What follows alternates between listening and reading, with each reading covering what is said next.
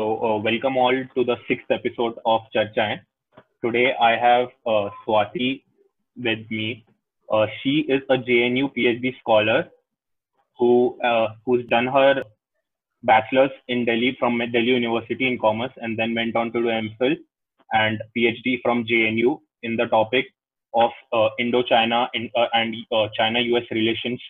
And she's very well versed with the inter- geopolitical relationships between the countries, especially China, US. So there have been a lot of talks around China uh, in the past two months because one, they were the one that caused the pandemic. I'll not say they were the one that caused the pandemic, but that's the place that it bred from. And then eventually it came to the other parts, and then the number hiding uh, was one issue that was raised constantly from the West uh, targeting the China. So uh, let's clear doubts one by one. So, uh, hi, ma'am. First, welcome to the podcast. Thank you. Yeah. So, uh, I'll just start with the first question, very straightforward. Do you think we are in a war-like situation because uh, Xi Jinping is telling its troops to be prepared for war, and then submarines are approaching the oceans? Then uh, the Pangong Lake is being uh, extremely active these days. So, what do you think? Why is this continuous movement at the borders uh, by China? Um, so I will start by explaining a couple of other things about you, um, India-China relations. Sure. First of all, um, India-China relations were, let's say, based on the five, uh, the Panchsheel, the five uh, uh, principles of peaceful coexistence, which required your adherence to your mutual interests, uh, non-interference, mutual non-aggression, equality, etc. So, given that is the fundamentals of your relationship. So, about the border uh, skirmishes, these are not new. They have happened for a very long time. There were past three major incursions that happened in India. One was in 2013 when the Premier Li Keqiang was Yeah. Coming to India, and before uh, that, one week before that, there was an incursion at Depsang uh, Plain. Mm. The Depsang sector faced um, heavy intrusion and incursions on both sides. Then 2014, when President Xi Jinping was coming, again there were incursions at the Chumar sector. Mm. So both these, and then in 2018 uh, came the Doklam, uh, the incursion, the Doklam sector, the chicken's neck, the choke point. It was a trilateral problem between China, Bhutan, and India. India. Yeah. So, and yeah.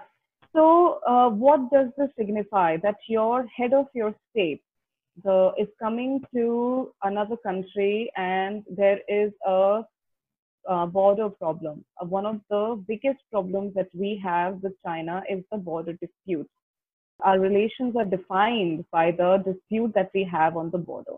Mm. Uh, and secondly, our relations get defined by the economic change that we have, which was the focal point of Xi Jinping's visit, which could not really yield as good results because the the problems at the Chumar sector sort of overshadows the economic um, agenda that the two countries had. Mm.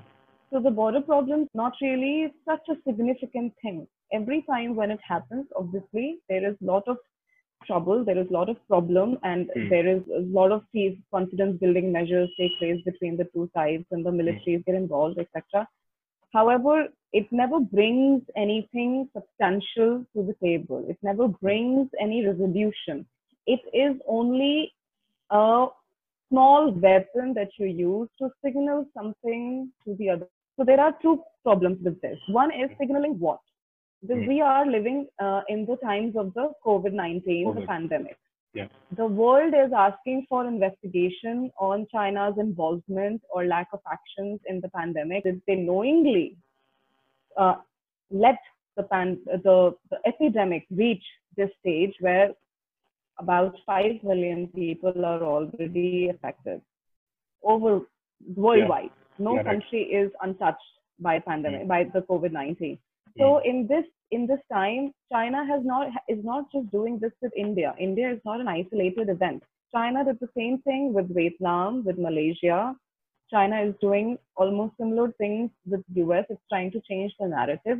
Whatever it can do, it's trying to do that. On its border, it's trying to pick a fight, so to Mm. say, with its neighboring countries with which it has disputes. On its on its territorial waters, it's trying to pick disputes with its territorial uh, rivals. Hong Yeah. Kong is a Mm. classic example example. of the fact that how China is trying to attempt to sort of curb the uh, anger and the dissatisfaction that the people, Chinese people have with the Chinese party, the Communist Party of China. Yeah. In order to curtail and contain that kind of disagreement, dissatisfaction, protesting, and rioting, this is why China is giving its people a nationalistic agenda to sort of fill their empty mind with this, Mm. not empty mind to say empty mind, in order to fill the space that is left because of COVID 19, to fill it with different kind of information like China is standing up for its border dispute. China is standing up for its uh, rights on Hong Kong. China is going to reunify with Taiwan. China is going to reclaim its uh, uh, territorial waters from the reclaim its uh, um outposts, reclaim its little islands here and there. China is going to reclaim its um, respect and position in the world against the US. If you see the Chinese media has gone rampant against the United States They have. and it has done it in a very it has done it in a very layered form how it has sort of pointed out at the uh, democracy the democratic procedure of China, of uh, the US that how US could not handle the uh, epidemic at the rate as China could handle how the democratic countries are failing to curb and curtail this disease, whereas Chinese have already done that. They are play, they're praising their benevolent leader and their benevolent leadership and the government, etc. So these are the narratives that China is trying to push forward in its favor because the worldwide, uh, the, the world is at the moment lashing out at China. The Hmm. lawsuits have been filed. The sanctions are on, on its way. So it's it's a layered uh, reply to not just India, to almost the world, and India being almost the nearest, the land uh, border rival to China, that it comes across as very genuine for the Chinese to try to pick a fight with India in order to raise nationalism within China. Mm. Wha- Mm. How do you how do you fight something uh, external is to give internal satisfaction and vice versa. When something internal is going wrong, you try to give your public an external satisfaction that even though you may be unhappy with COVID, but see, we have taken Hong Kong and Mhm. see, we're going to take Taiwan. So Mhm. these are the changing narratives. Okay. Yeah. Yeah, this is very well explained. So here, uh, the, just summarizing it, uh, you mean to say just to not get the blame on them of uh, this mess they have created with the pandemic, they are uh, doing the movement with everyone, and it is with everyone. And uh, the threat of a war, I don't think uh, uh, for a rational person it is not even close because these are two extremely powerful nuclear countries, also with the maximum population on both sides. I think that is not something we should be scared of. Uh, again, I'll go to the question two. The question two would be so there has been a history of disputed land. How, uh, as a layman, uh, we hear do, uh, these four things that is the Doklam issue, the Pangong Lake issue, the McMahon line, okay, and uh, the difficulty of uh, identifying a proper LAC. Despite all this, we have extreme good imports from China. Like every Indian businessman the biggest competitor is a Chinese product. So, is diplomacy so divided? Like border issues and export import are uh, not considered because I remember the biggest uh, threat which we were feeling uh, by China is attacking us because uh, we uh, just we stopped FDI from the uh, our neighboring countries. So, how do you see diplomacy and economics? Mhm. So, um, for China and for India both, your economic welfare, your economic growth Hmm. is a tool that you use in order to expand your national security, in order to strengthen your national security. Hmm. You do not forego your national security in order to boost your economy. It doesn't happen like that. When your economy is uh, rising, when your economy is growing, that's when you can invest that amount of profit and money and revenue into your national security, into your military forces. Now, uh, about the border dispute and the LAC and etc., one must be careful of the uh, of the primary goal of Hmm. both the countries, India and China. China. For China, India is not the primary threat. For China, the US, the United States, is the primary threat. China looks at its water border in order to uh, uh, in order to curtail any threat that may be coming out from the sea Hmm. because of Taiwan, because of its co- eastern coast laying with its strategic assets, its economy, etc. 40% of uh, population lives at the eastern coast, and Yeah. it's about 60% of GDP is contributed by that place. So it's a very strategic wealth of Hmm. welfare, of eco- economic boost and growth that China must protect. So the threat that China feels is not coming from south, not coming from Indian border. Hmm. India is a secondary uh, trouble for China. And how is that? Is in China would like, just like any great power having ambition, would like that the backyard should stay either peaceful or absolutely uh, um, there, no activity. There should not be Mhm. any uh, alarming Comment. activity happening there, which will affect China in the long term. So China looks at India as a country that is not really important, but is going to be important in the future. China is trying to first tackle its first layer of problem. The first layer of problem is the US. Uh. It's connected with Taiwan and South China Sea. The second layer of problem is the land dispute, and which is land dispute is basically a, a tool that we have to harm each other. The primary objective is to harm each other and not to settle the border dispute from Mm. China's side. From India's side, for example, China is the primary threat. Pakistan is not our primary threat anymore. China is our primary threat. We know that in long term, China is what's going to be our major problem.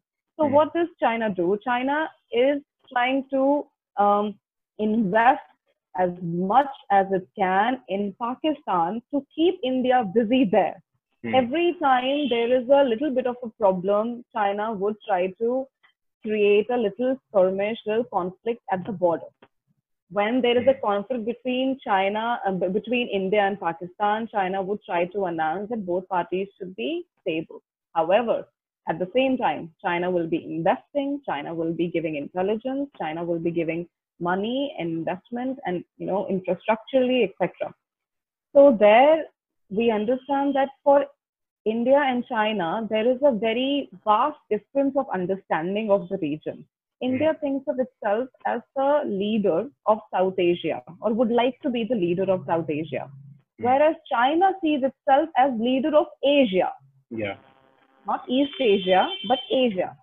And there is a very clear distinction between the primary goals of each nation. Hmm. China would not like India to think of itself or be, in any case or form, be the regional leader of South Asia because that's a direct threat.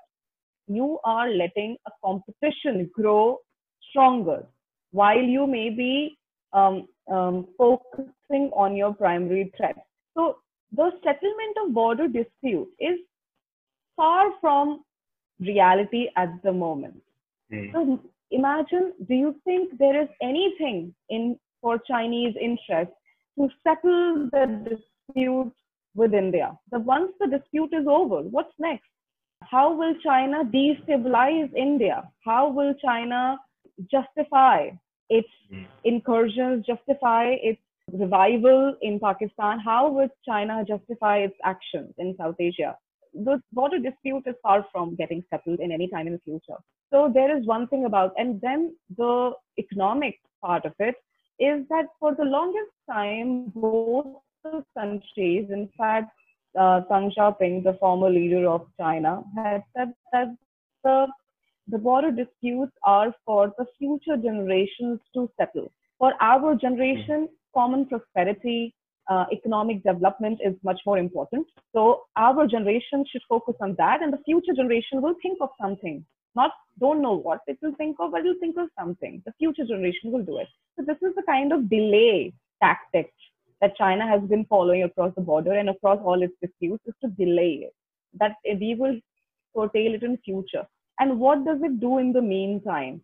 In the meantime, it will try to create a debt trap around you. The debt trap would mean that it would give you a massive amount of loans that you cannot mm. repay, invest yeah. in your infrastructure that is not useful to you. For example, Hambantota port in Sri yeah. Lanka. Sri Lanka, yeah. It is one of the classic examples of a debt trap by one country on another, especially a stronger country on a weaker country. So, for some reason, India has evaded this kind of debt trap. Hmm. And you have to under- also keep in mind that China is the second largest economy of the world. India is the sixth largest economy, the third largest economy of Asia. So no matter where India goes, China is going to be the competition. Not just for India, for Vietnam, Japan, South Korea, China is the competition because China is the manufacturing hub. It has to be the competition. So now that it is the competition, it you have to let go of your national security um, uh, tensions and problems in order to still continue growing economically. And Indian businessmen understand that they need Chinese market, Chinese investment, and mm. there is this country right next to you which you can totally take advantage of the opportunity. And why shouldn't you? Yeah. But it's not to say that we are not that gravely dependent on China as, let's say, US and China might be. It's hmm. the first largest economy, as the second largest economy. They both are each other's largest trading partners. The amount of FDI that inflows between the two countries is also massive.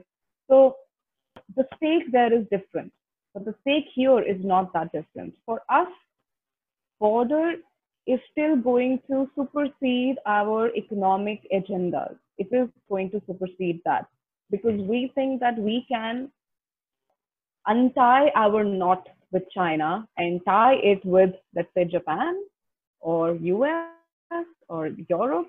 So we still think that we have that option. We, I, I would not say that we rely on Chinese products or manufacturing as greatly as the rest of the world does. And in fact, after in the post, eh, while the pandemic was happening, is happening, yeah. um, about 80 companies left China. 80 mm. companies, overseas companies left China. Mm. And only three of them came to India. Mm. About 26 of them went to Vietnam yeah. and about 11 of them went to Taiwan. So yeah. that also tells you that we are not really in the same race hmm. as other countries may be in or US China may be in with each other. So yeah, the trade war is not really helping us but the trade war between US and China is it helping the uh, media's favorite uh, country that is Pakistan because Pakistan has continuously gotten loans uh, default after default and yet yeah. yet they have the uh, they have extremely high uh, defense budget as compared to uh, in comparison with India mm-hmm. looking at the size of the economy and the yeah. and obviously the the busyness on the borders is uh, seen more often than not nowadays.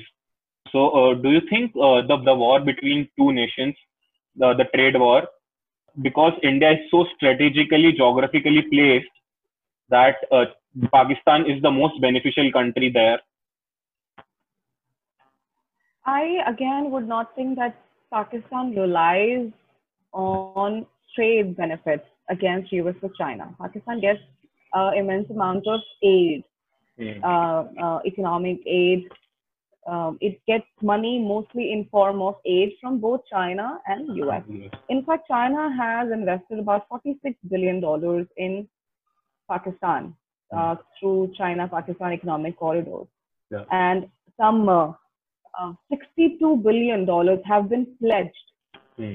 So there is still some amount to see. So this is the way that China is helping Pakistan. China is not um, um, is is not dependent on how the trade is going on with the US or any other country in order to help Pakistan. These are two separate agendas. They are two Hmm. separate policy motives that China has.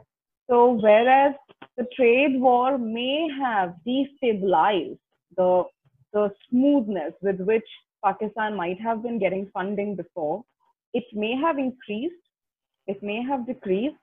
But trade war has no direct ramifications for um, uh, Pakistan in terms of money, but maybe in terms of diplomacy, maybe in terms of uh, relations with both China and US. Being trapped in between is going to be difficult. But if if uh, you know theorists are to be believed, then there is a kind of uh, uh, there are two teams now. One is China, Pakistan. One is India and US.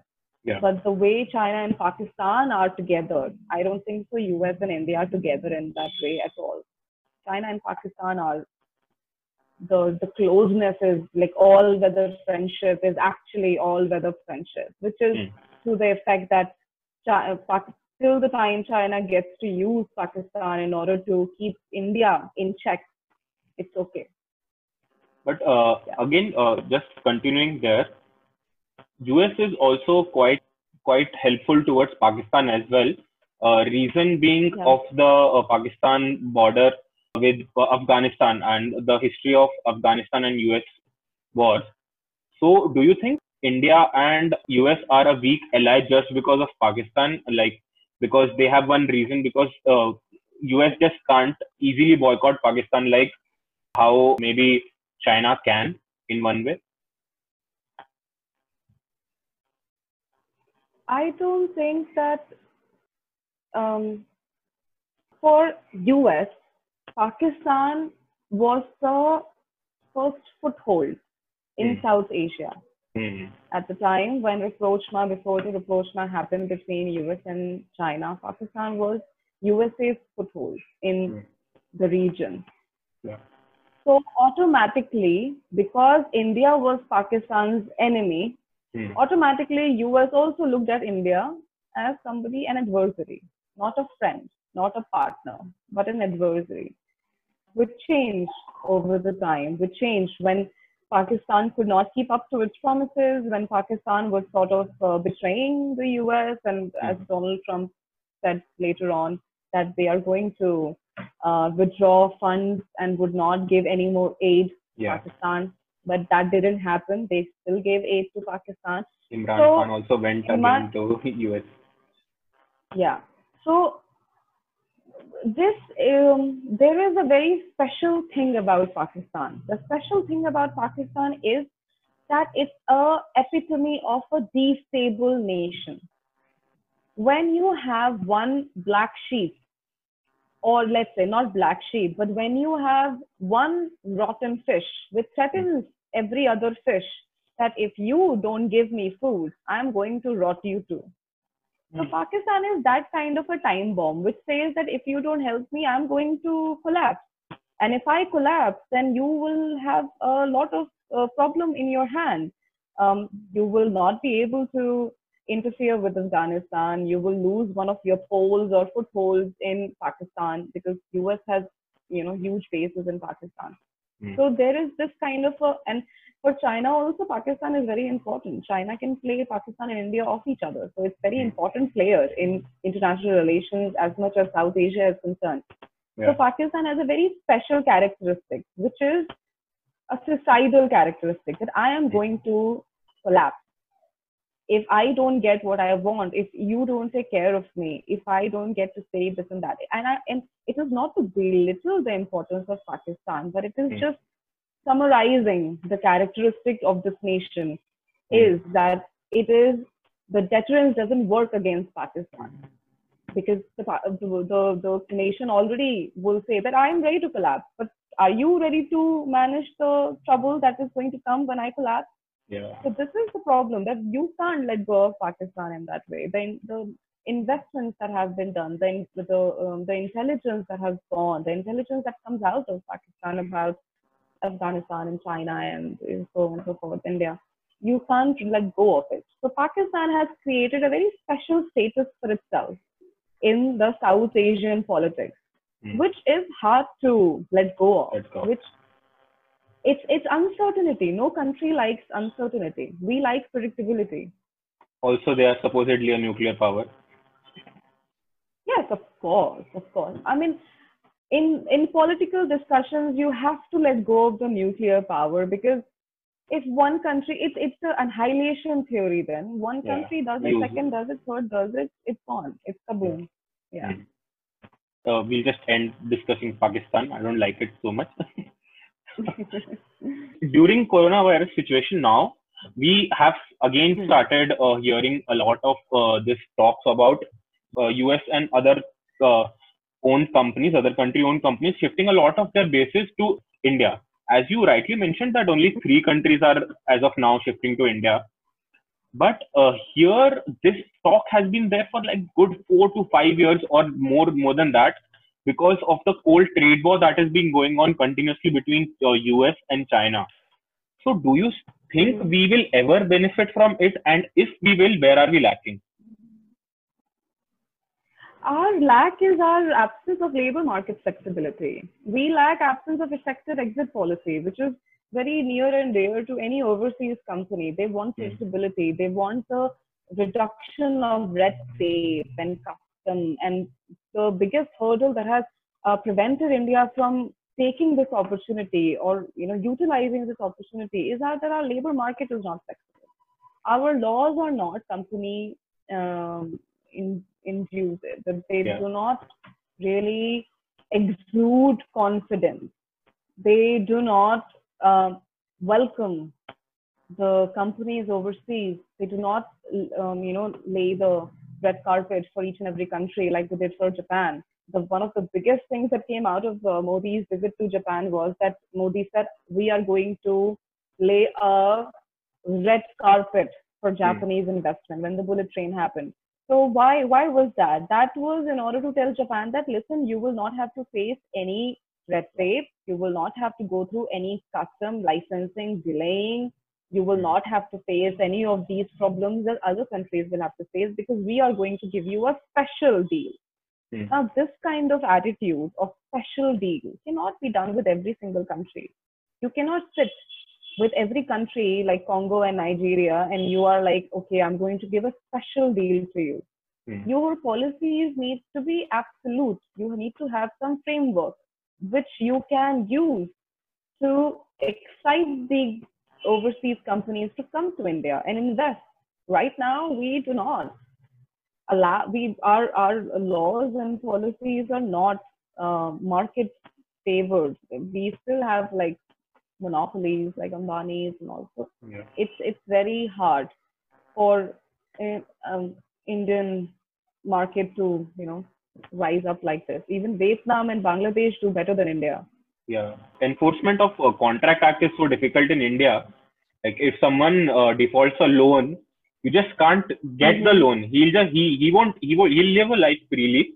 Working in a debt fund, uh, I have realized that Mm-hmm. that uh, in real estate especially, you just can't get the money out of the hands of uh, the developer if he defaults. Uh, so you have rightly pointed out. Mm-hmm. Do you think uh, China's reputation is damped already? Like you were saying, uh, China is trying to make its people realize that uh, we are still we are we are okay, we are fighting. They're trying to change the narrative, uh, but I think globally uh, so much has been said uh, uh, against China that the reputation of China has damped uh, in many ways uh, after the pandemic broke out. How do you think uh, it will be advantageous for us uh, if we leave out the laws and all? And if we are taking this advantage, uh, do you think this will only uh, make US more powerful, or will China do something else to become a powerful country? Because China is growing at vast speed. Do you think that will slow down? Yes, the the growth has been slowing down for the past two, three years already. When Xi Jinping came up with new normal Hmm. in I think 2017, he came out with 2016 or 2017, he came out with new normal in Yeah. economic uh, eh, status of China, which was again going for about 6% G to 6% per annum. Hmm. Um, but yes, that is going to slow down drastically from almost February to uh, May now. Uh, the companies have not reopened at the level that they should have been. There is a lot of misinformation, curtailing of information. There is a lot of resistance. Uh, companies are going bankrupt and they are not getting money. The unemployment rate is at the highest. The information disbanding is also at the highest. The media curtailing, the flow of information is not what it should be, for example. So the biggest advantage that India has over China is India is a democracy. That Mm. India still has some semblance of freedom of speech. Mm. That Indian media, even though maybe a sellout, there are still some corners of Indian media which are objective. So on the other hand, see, we have to understand first and foremost how China works when in 2018, Xi Jinping, the president of China, sort of removed the 10 year cap on the presidency, it effectively made Xi Jinping the uh, dictator of China. He is president for life now. Yeah. And what happens when you have a dictator? A hmm. dictator looks at himself as a king and looks at the empire or the kingdom as subjects Yeah. and subjects are there to please the king, to help the king. The king is not there to help the people. The people are there to help the kingdom. The kingdom is the most important thing. What is the most important thing for Xi Jinping? It's the CCP, the Communist Party of China. Hmm. The most important thing for Xi Jinping would be to keep himself a legitimate head of the state Hmm. and CCP as the legitimate power control, the power, the control of power with CCP as the legitimate uh, party to uh, lead China. Now, once you have done that, then again, your decision making is going to flow from there. Xi Jinping says this should be done, it's going to be done. Xi Jinping says, uh, stop this, it will get stopped. Remove this, it will get removed. So the effect of those kind of policies on the people on ground is going to be drastic that you may not even understand for the short term, but you will understand in the long term. Now, during the pandemic, what happened? You did not allow your doctors to come out. You did not allow your virologists to come out. You did not allow your researchers to send, uh, to publish the genome. You did not allow the samples of virus taken before the news became a pandemic. You did not allow your uh, workers to disclose anything about the virus. You do not allow the patients to disclose anything about the virus. Now you're not allowing the family of the disease to not ask questions, to not uh, to not disclose any information about CCP or the handling of the epidemic. You did not allow anything. You curtail the information point blank. What will happen?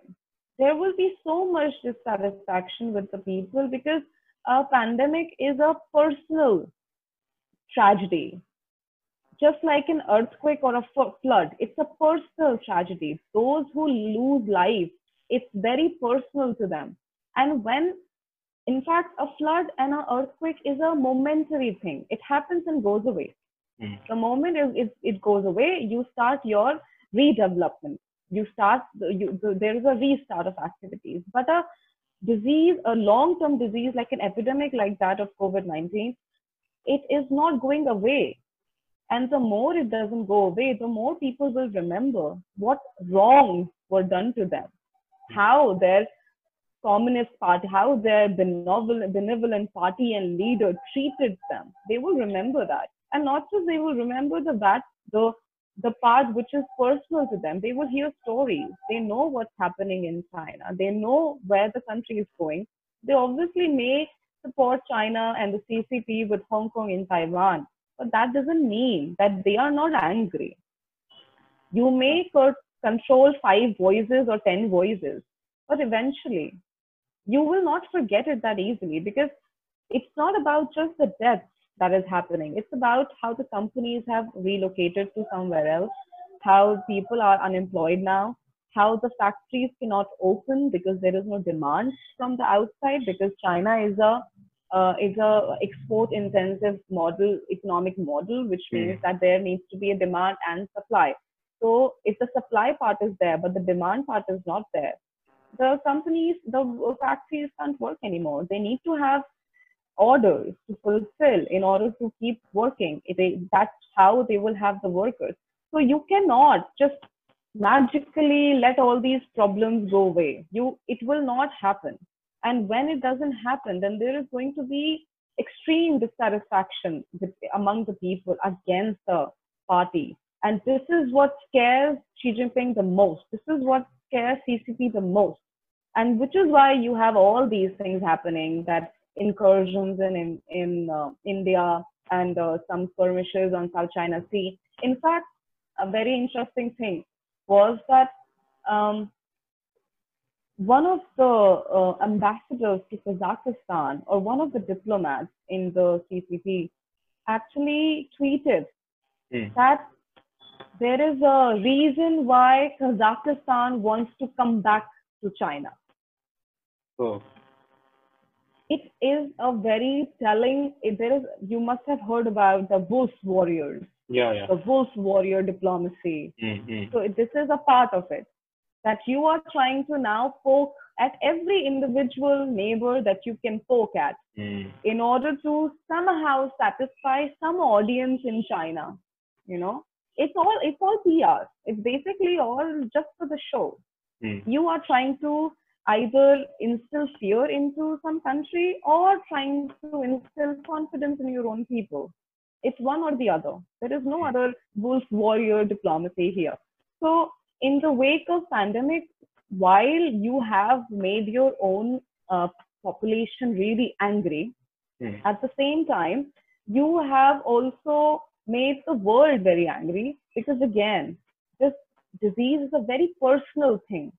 And when you get to know that now, now it's absolutely obvious that China delayed the information, China Hmm. gave misinformation to WHO. WHO was complicit to Chinese activities. It did not push China to disclose the uh, the virus samples and information that they have obtained on the virus. So this was obvious that and, and every literate person who can read news and every literate person who has a phone can check the numbers, can check what China is up to, how Chinese Mm. numbers are not increasing, and how India's and USA's numbers are increasing at such a drastic rate. So you understand the people who, of any person who can read, is going to understand what's going to what's happening, and they are going to have the resentment against uh, China. And now it comes down to their domestic politics. If any of the representatives does not lash out at China, they are not going to get votes anymore. If Hmm. any country or any representative of the people stands today and says that we are going to be nice to China and we are going to help China and we Hmm. are going to invest in China or we are going to seek investments from China, like they used to be before. Hmm. Everything was China, China. Every Yeah. time any political, uh, any uh, uh, elections were happening, people, Hmm. representatives used to gain votes by saying we are going to bring the Chinese in Mm. we are going to bring the Chinese in and they're going to get their investments and their factories and we're going to have jobs. So before this pandemic, China was being used to appease the population and now the population is not happy with it and now it wants its representative to do something. So you will, it, it's actually the most astonishing thing that has ever happened is Yeah. that Chinese are filing a lawsuit against CCP. Has never happened before Oh. obviously those people will be in labor camp right now Hmm. those people are probably dead by now Hmm. but it happened and it got recorded somewhere and if we can see it we know that it happened so we may forget it but this is the the the most this it's it's it's a it's a show of the highest level of dissatisfaction that a a person of um, PRC can do to its CCP. It's it's amazing. It's absolutely unheard of before because obviously dissent is unacceptable. You cannot It- have dissent in China. It took a it took a pandemic for a communist party to stop be, being communist. Oh, So- it's still communist very much, but yeah, people are not probably. People are not.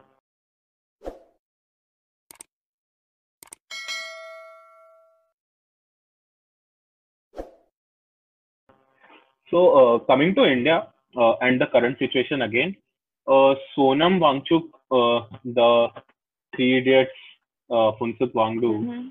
uh, the one who inspiration for three idiots. yeah so he has been continuously uh, Mhm. active on uh, social media and uh, he's pleading everyone Mhm. to uh, boycott chinese products uh, chinese applications and started one by Mhm. one so he he he says that we should just start so that uh, we reach somewhere like whenever i'm buying something i should be aware of what country uh, this product belongs to and if i have something Mhm. uh, which is similar to it i can buy that of the same range Mhm. so he uh, he's Yeah. reading that. Do you think this is right, or do you think uh, this is just a PR strategy or something else? It's right in the way that if you know that the Zoom application that you're using Is is being uh, tapped into, is being Mm. interfered into, and it's Yeah. going to be used, then yes, you shouldn't. For example, uh, when the pand- when the lockdown happened and everybody started using Zoom, Hmm. it took almost a week to Indian government to send Yeah. out a, a notice that defense is not supposed to use Zoom because Oh. it's, it's it's been known to be auxiliary to the PLA and the Hmm. National Security Board of China. So yeah, the, yes. So TikTok, for example, it's Hmm. huge. Huawei is Huge. It is actually Huawei was like a was like a black sheep in front of you that you ignored that it was black. Hmm. Huawei, any any any company in China is not private. Yeah. Any entity and equity in China is not private. It is state owned. I It can may I not can I be state owned on paper. Yeah.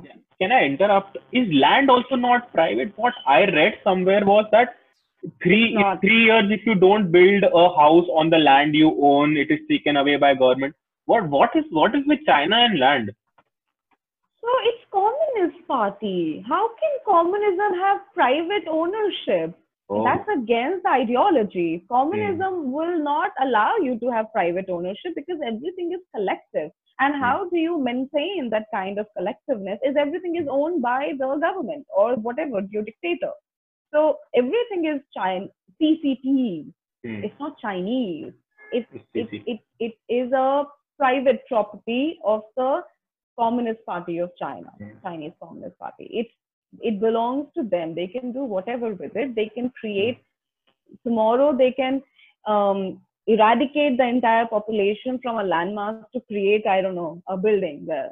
So, tomorrow they can remove all the Tibetans from the uh, Tibetan Autonomous Region Hmm. to create uh, I don't know adventure island. They can do whatever. You don't own anything. In fact, as I told you, in a not just in a communist party, but now in a dictatorship, Hmm. people also belong to the to the government, to the dictator. People Yeah. are you are seen as human resource. They are not your citizens. China Hmm. does not have rule of law. It has rule by law. Rule by. It, the rule is not absolute. The law is only a guideline to be ruled by. The guidelines don't rule you. That's the difference. For example, in India, we are ruled, uh, the law rules us, not the person rules us, not the party rules us. Still, our constitution rules us. Our laws are ruling us. Hmm. Whereas in China, the laws are just to make the rule easy. The laws are to give structure to the rule. Do you understand me? Yeah. It is not. And in fact, a- a law in such a framework will never be for the advantage of the people per se. It will be for the advantage of the party. Because if the the, the existence and survivability and the longevity of the party is the most important thing to you, then laws are going to obviously be in favor of the party against the people. So people are not really citizens in China. So you own nothing. So Huawei is obviously PLA owned. It's obviously China owned, and the 5G network, the way they were distributing the 5G network to Mm. uh, India and Canada and US, then later on they realized that oh, Huawei has close connections with PLA because PLA. all the people in China are actually part of the Chinese Communist Party. Hmm. So how is that not even possible? Obviously, can you believe a company as big as Huawei is is um, uh, developing without the help of Chinese Communist Party? That's unheard of. That's impossible. So yes, I think that at the moment the benefits must have been much more greater than Mm. the disadvantages that they could see. But now I think they are much more aware of the problems that they have with China, much more aware of how China has created this debt trap. China has created this economic dependency with smaller countries that the countries cannot really fulfill anymore. Mm. In fact, the biggest uh, setback to China must have been when countries like Peru, Kenya, Nigeria came out to say that we need investigation in Yeah. the virus. Then they came out and said that we need compensations from China, which is Kenya, Nigeria, and Peru were the one of the closest. Hello. They had closest ties with China. Hmm. The money exchange, the, the investment happening between the two uh, parties was immense, and the relations were extremely, extremely good. But because of pandemic, it has taken a reverse trend. Their relations are now not good at all. They are actually asking for justice, a word that is never heard in China. Hmm. Now, international community is asking for justice and compensation, which is huge. Interesting. So, uh, fine. I'm letting go of my phone as soon as this gets old. But uh, again, are we well equipped to let go uh, Chinese products? We will have to be eventually. We have to Hmm. have our eyes at the future. Hmm. If you remember, in the uh, mid 2000s, we used to have all these Chinese products. In fact, Hmm. the Indian uh, local makers have started putting made in China on their nail cutters and their knives and etc. Although they were Indian made, but they Hmm. had started using made in China because that was the trend. People wanted to Thanks. buy uh, cheap Chinese products because where an Indian knife is going to be 10 bucks, the Chinese knife is 4 bucks, it's really good. But eventually, after the use of one or two years, we understood Chinese product is marginally low in quality, Hmm. doesn't yield as much productivity as you would think. Like having a Chinese nail cutter is also just a wastage of money, even if you bought it for 4 bucks. It's absolute Hmm. wastage. Hmm. So that in that knowledge also came to us that just because it's Chinese doesn't make it good, Hmm. right?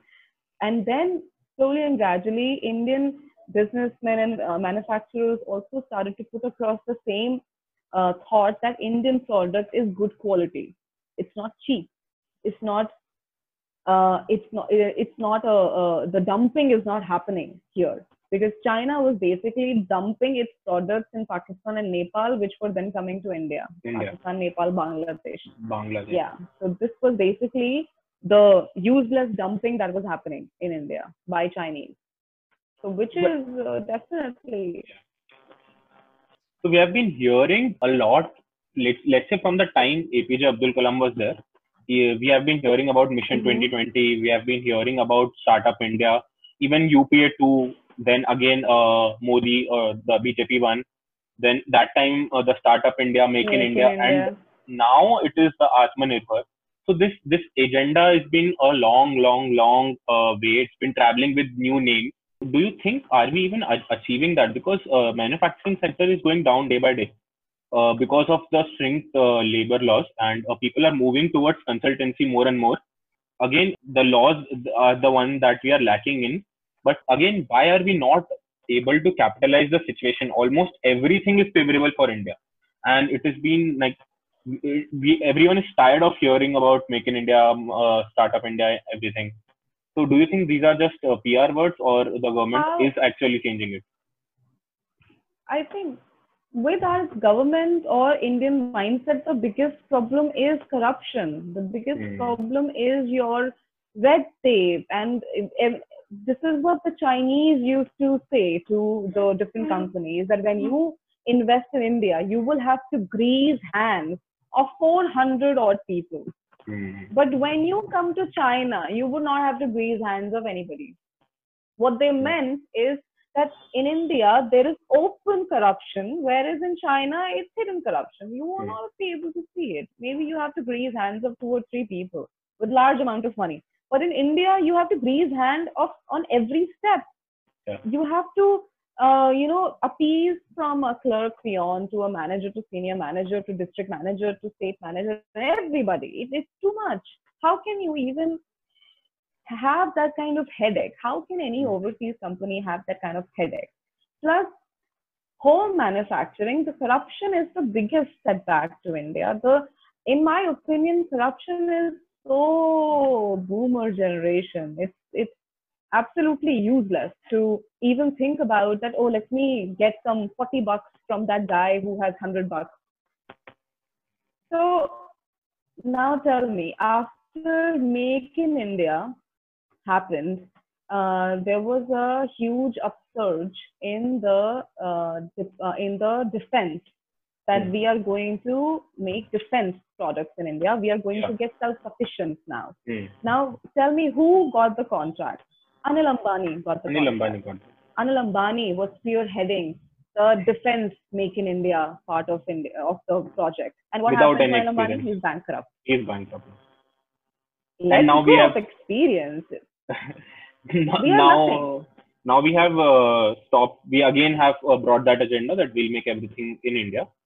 Uh, in the economic uh, policy that Nirmala Sitharaman said in the defense It's budget. not bad policy. It's not bad policy. Looking at today's world, looking at what happens when you have too much dependency on a different country, it's Hmm. not a bad policy at all. You ought to be self-sufficient. Hmm. You ought to have agricultural sector. You ought to have your manufacturing unit. You ought to have some kind of defense setup as well.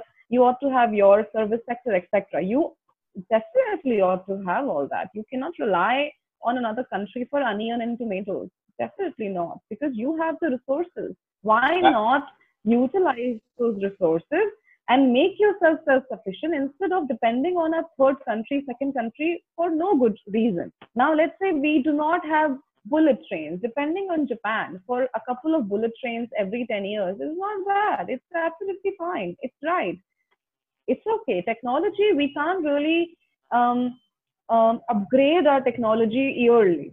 Other countries are doing that for us. We can take it from them. We can borrow it from them. It's fine. But It's the basic level of self-sufficiency should be there. Yeah, Yeah, I'm saying. you should be basically self-sufficient, but Hmm. corruption is not going to let that happen. You have your startups, and who do you think has the most amount of investment in all the startups in India? Mukesh Ambani. China.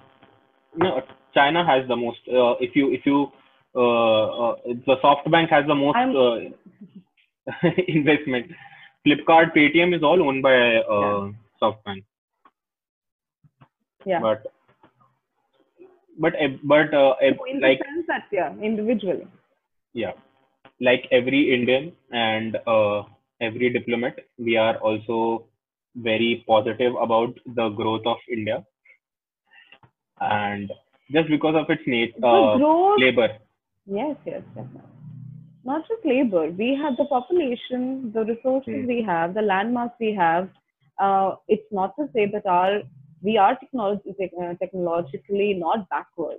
Hmm. We are uh, we are one of the great powers of the world. We are the upcoming great powers of the world. We are there. The only problem is that our domestic life, our, because the standard of living of the people who were once, let's say, below poverty are now living in upper middle class life. So Yeah. that has obviously changed. India has, uh, you know, uh, ridden poverty of a lot of people, millions and millions, but that does not really, uh, it's not redeemable. Like if you have these qualities, so you can redeem yourself of not doing what, what all you could have done. The Hmm. communalism, the rioting, the you know fascism that is coming much. to India. So that is not, and tell me that if you, even if you want to be a member of the elite class of developed countries, can you be a member of such a elite class if you still are pushing your Muslims out or raping your women or you're killing your children or beating up your students? Can you still come in the same classes then? You can't. You have to, if you want to be a great power, you have to act like one. Yeah. You have to understand that unity inside your country is going to give you power to exude unity outside of the country. You cannot have a confident foreign policy if your domestic policy is falling apart. You hmm. cannot invite a president while there is a riot going on in your capital. That cannot yeah. happen. No, I mean, it was Donald Trump, so he came. If it was Obama, he would not he have even come. He would have said, please settle your domestic issues first before you invite me. I mean, I mean, you have to see that how, who are we calling to our Republic Day? We are calling Bolsonaro. If you don't know anything about Bolsonaro, he yeah, is yeah. a much more radical Donald Trump. I'll just end. Uh, I'll just end the uh, China-US uh, political topic. I'll I'll come to a more personal mm-hmm. Uh, question maybe.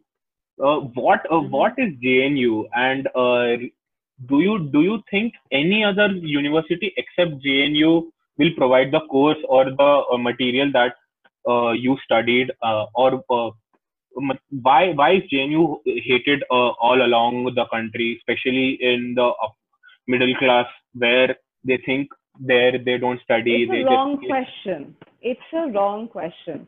When wrong I went to JNU, yeah. it was 2010 when I went to JNU. Mm. Up until 2013, yeah. it was not me who was yeah. raving about JNU. It was the the, the city, the country was raving about JNU.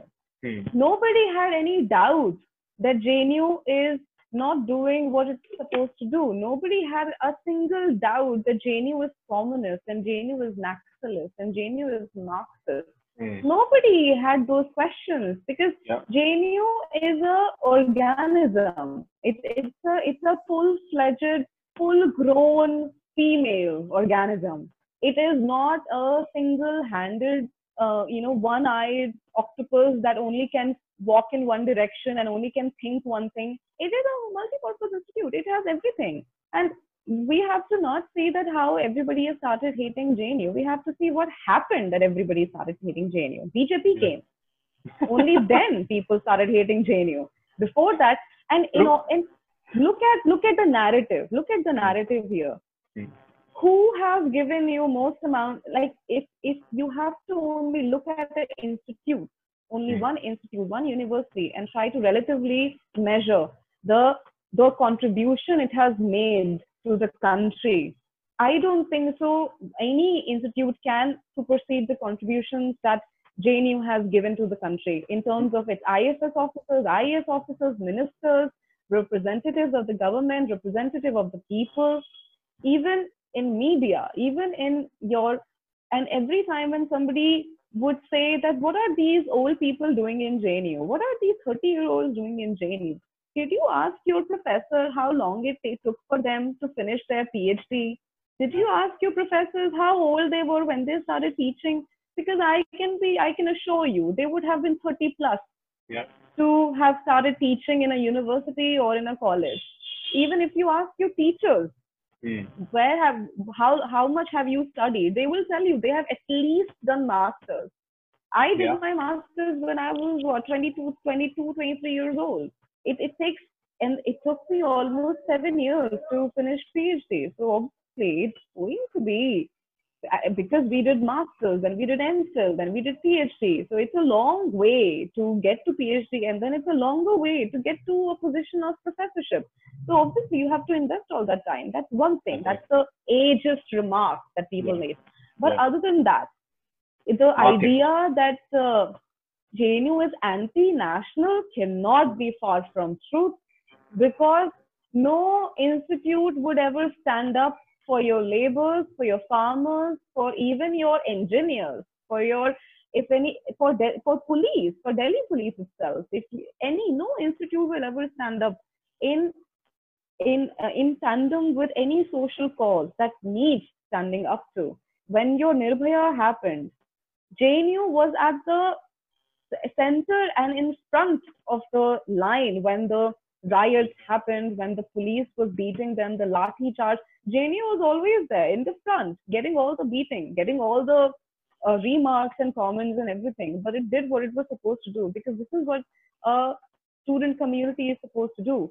Why do you think the politicians fear students so much? Because only students have that kind of courage, freedom, and lack of fear. Yeah. As soon as you become a part of a economy, as soon as you become part of some corporate, some company, now you are busy. You do not have time. Plus, you fear for your life, for your responsibilities. You need money. You need to provide for your family. So you have all these responsibilities that do not allow you to just stand up every now and then and go protesting at the uh, Jantar Mantar. But a student can do that. Yeah. And a student is the one one community that is reading the newspaper, reading not just one country's newspaper, reading almost five six countries' newspaper. It has so much time to read and learn and aware the people. This is the biggest problem that any authoritarian, fascist, any government which has ambitions to rule blindly on you will obviously have because every country fears Tiananmen Square. Why did that happen? We are talking at the anniversary of Tiananmen Square. Yeah. Why did it happen? It was a student movement that was not liked by the, the authoritarian government. It was like curtail it, end it all, or kill them all. What happened to Jamia? How could the citizens of India let their kids get beaten up by the hands of police for what? In For the library. what? In the library, in the campus, going in the bathroom, pulling out people from there and beating them, then why? How do you not see that this is absolutely unlawful, illegal? It's not about whether you belong to one community or the other, one religion or the other. It's illegal. You have a constitution telling you what to do. How are you not going to stand up for illegality? And then coming to the JNU part, being a student of JNU myself, yes, there are communist, I, uh, there are people who hold communist ideologies. But to them, the communist ideology is not the same as the Chinese communism. To them, Mm. it's about the poor. They want to talk about the poor. They their ideology is to the effect that there are rich people who have too much, and there are poor people who have absolutely nothing. And our uh, government sides with the rich and leaves the poor. Because they follow this kind of line of thought, that obviously they are called communists. And then there are liberals. I would include myself in those groups as well. The liberals are another group of, yes, we are called the libertards. Liberal, liberals. because we are retards Also- and we are liberals. So JNU is about everything. JNU is about feminism and anti-patriarchy and anti-communism and anti, um, you know, anti-incumbency. It is about anti-everything because this is what a university is supposed to be. University is supposed to have debates. It's supposed to have uh, exchange of ideas of all ideas, not a uniform idea. If Mhm. everybody is one color, then where is your diversity? Where is that? This is the exact same thing that happens to China. Why do you think China is so behind in science and technology?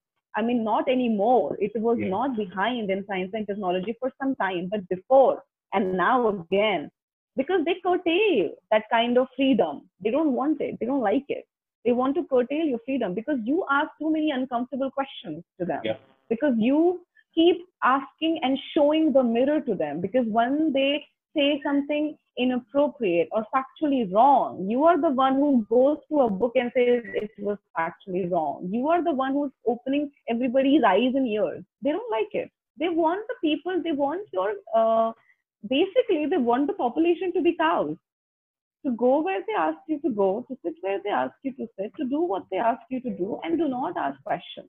Yeah. This is what a authoritarian government would want you to do. I totally agree with that, and that is why protesting is important. So uh, you worked Oh, uh, as a is right. yeah, you worked as a research assistant uh, in Institute of Defense Studies and Analysis. What does that institute do exactly? It is a think tank, so it researches. It, it uh, for example, when the 19th Party Congress happened, Hmm. or uh, when any other uh, uh, some incursion doklam happens so you will research on the topic in depth and you come out with a paper a book an article so it's about spreading awareness we create content for the consumption of ministers uh, defense officials general public scholars thinkers and etc so uh, for example what we are talking about right now it is written somewhere. We read it from somewhere, right? Uh, So that somewhere is where IDSA belongs. Yeah. Okay, okay. And so, what are your future plans now? What do you plan to? What, what do you plan to uh, maybe Oh, do some now that PhD I is want to write a book. I want to write a book. Okay. Yeah. I want to travel to a couple of uh, four countries and I want to write a book about China. I want to travel to Japan, Philippines, Vietnam, and Taiwan. Okay. and uh, sit with their policymakers, sit with their defense personnel and their scholars and thinkers, and try to understand what how do they see China and what do they see when they look at the the developments that are happening right now. So I want to visit the countries who have direct uh, um, um, water confrontation with China. I want to visit those countries and learn about their methods of dealing with China, their tactics and strategies that they employ to understand China and how do they understand China. For example, Lee Kuan Yew. I would love to go to Singapore and sit with one of their policy makers and talk about it and try to gauge as much as I can. Interesting. So, uh, just just adding to that point, uh, does does government gives uh, this much importance to diplomats? Like, I I know they do, uh, but do you think they completely listen to the diplomats? Like, uh, they don't listen to anyone else except the diplomats? Because I didn't see even one epidemiologist coming out uh, in this whole pandemic situation. I don't I didn't see uh, maybe uh, the ICMR doctors. They came some some few times, but they didn't they don't come on regular Mhm. basis. The statisticians statisticians Mhm. don't come regularly. So do you think uh, these are all these, these diplomats are also curbed by the government? Uh, do you, do you, government has a threat of them? No, no, no. Then The no, you see, you have to follow a line. okay, The diplomat would do what the government will tell it to do. The government Okay. will give you the line and you follow that line. When anything happens from which diverts from the line, let's say uh, Dalai Lama is going to go to Tawang Mhm. and uh, Nirupama Rao gets a call from uh, Chinese embassy, uh, from the um, from the Chinese headquarters or the Chinese embassy or the Chinese ambassador of India Hmm. or any official in China. She gets a call, and the Chinese are really upset that the Dalai Lama cannot go to Tawang or the Dalai Lama cannot come to meet the president because that Hmm. will meet a head of state meeting another head of state. So you, it just can't happen. In that term, Nirupama Rao will then go talk to the uh, the um, uh, Secretary of Defense or External Affairs Minister or Joint Secretary and the whole PMO, and then they will talk. Then probably either she already has a direction that no matter what we will do it, or she will convey the message to the relevant parties and say they are not happy. We either have to convince them that this Hmm. is nothing, or we have to stop it because they are not happy. So then the government will give you another line that Hmm. you tell them, okay, he is not coming as a head of state, he is coming as a religious leader, or he is coming as a uh, as a friend or something. So yeah, you have to. But again, this is what I'm telling you. When it's, it's almost 2012 or 2013 when this happened, when Dalai Lama was going to come to meet the president of India, and then again in 2018, last when Dalai Lama went to Tawang, there Yeah. was a difference of action there. I'm sure that the obviously the the Chinese side was very vocal about the fact that Dalai Lama cannot visit Tawang, but he Hmm. visited Tawang. He did. Yeah. So our so our joint secretary either said something to the effect which convinced them or relax them, or he said something to the effect that we don't care. Because if you only blatantly see the actions by our prime minister, it would mean that we don't care. Tawang is our land. We can send whoever we want to send there. You have no right to tell me where and what I can do. So there are two lines of action. So a, a diplomat will follow the government's line. A diplomat, if a government wants to be aggressive, diplomat is going to be aggressive, but diplomatically. If he, he, they want to be submissive, they will be. So It depends. If you Very want to actually learn about, if you want to learn about the nitty gritties of diplomacy, I would Yes. say that you should definitely uh, read something, some, some uh, um, interesting uh, either articles or some chapters of the book, which is easily available, or on Iranian diplomacy and Pakistan diplomacy. Iranian diplomacy is one of the, I would say, most cunning. They have the most interesting, cunning diplomats ever, and which is hard to say about any country. We have a port in Iran, have- right? We have We a port in yeah. Iran, Po- just opposite to the port that China has in Pakistan. Like, Yes. just, uh, so I'm saying there is a video that is uh, going around. There is one person on Instagram who makes three minute, four minute video, informative video. So he he's saying that the biggest threat to India is China, who is uh, trying to impose a war. We cannot win the war because we are economically weak. So that is why we should uh, start using Indian products uh, and then uh, start becoming Atmanirbhar. So he he he pointed out like uh, India is surrounded by Chinese ports, and I went on to read about that. India almost have ports to compete all the Chinese ports that China has. Like it, it has in Maldives, India also has in Maldives. Again, uh, uh, the no, Pakistan has the pearl necklace. What is It it's called some necklace, matter. right? The The- yeah, yeah, the pearl, um, pearl chain of pearls. chain of pearls. It matters Yeah. So because uh, yes, it matters. It matters in the way that you now again, India thought of itself as the South Asian leader.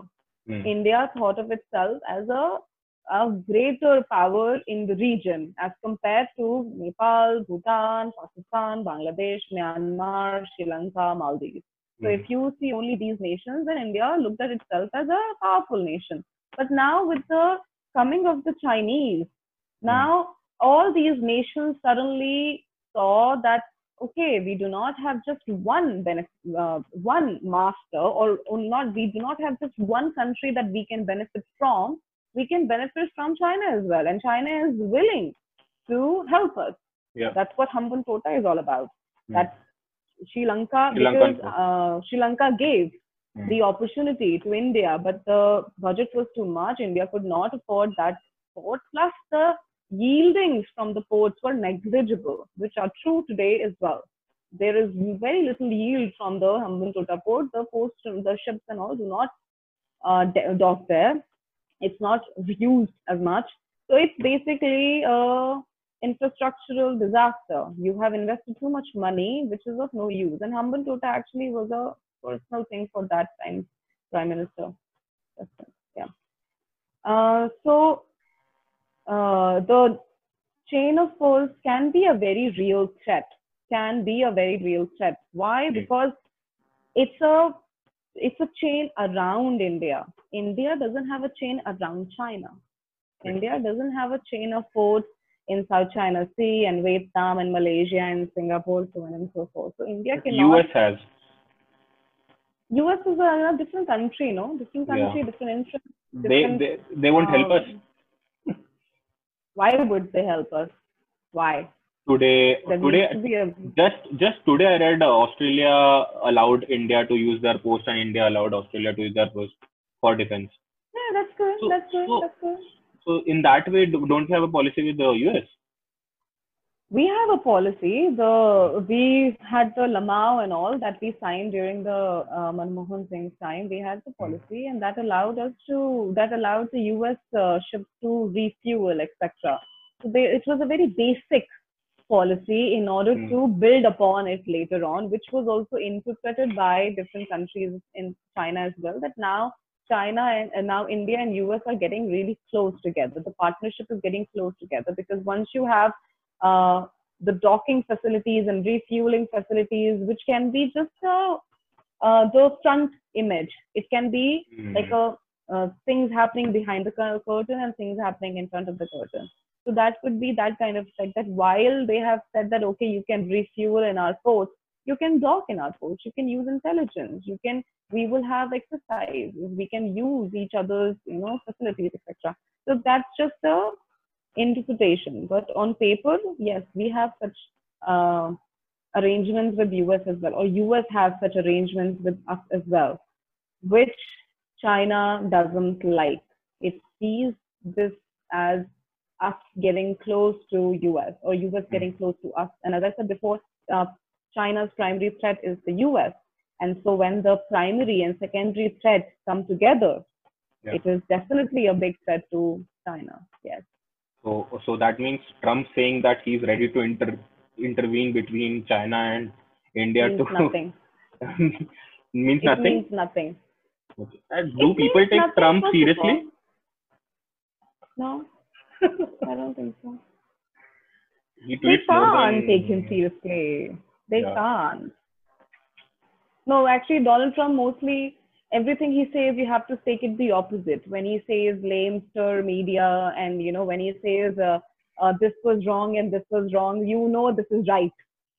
You know that something this um, opposite was happening that he is tweeting about. So before that, when we were talking about the ports and the chain of pearls and all, uh, you can think of it as a very strategic uh, um, act that China has created ports around India, which will affect India's capability to maneuver and operate in Indian Ocean.